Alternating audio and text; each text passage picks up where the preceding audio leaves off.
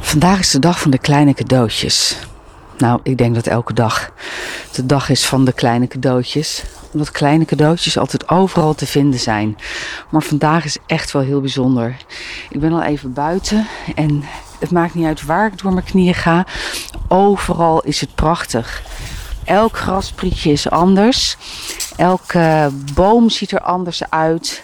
Ehm, zelfs de blokken, bonken, dikke klei zien er schitterend uit. Het is eigenlijk bijna het idee om zo gehurkt door het gras heen te banjeren. Maar dat is ook best wel zwaar. Uh, maar vooral zeg maar, op die lage delen van het gras.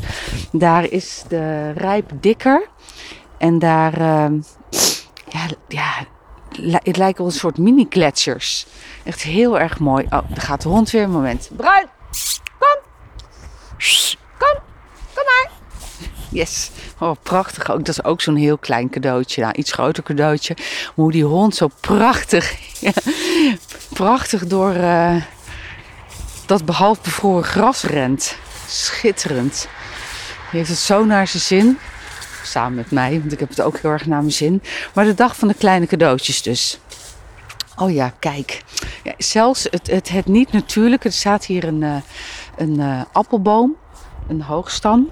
En die uh, is nog jong. Dus die hebben we een beetje gestut met twee van die palen. En van dat um, nou ja, autogordel ernaast. Maar zelfs dat autogordel, daar zit rijp op. En dat is zwarte autogordelband. En dat rijp is wit. En dat, ja, dat maakt een soort hele mooie patronen. Zelfs dat ziet er schitterend uit. Nog zo'n cadeautje. Ik zei het toch, de dag van de kleine cadeautjes. En dan ga ik uh, naar binnen en bij mijn andere cadeautjes kijken. Mijn kinderen die uh, volgens mij op de bank liggen met een beeldscherm en liggen te genieten van een vrije dag.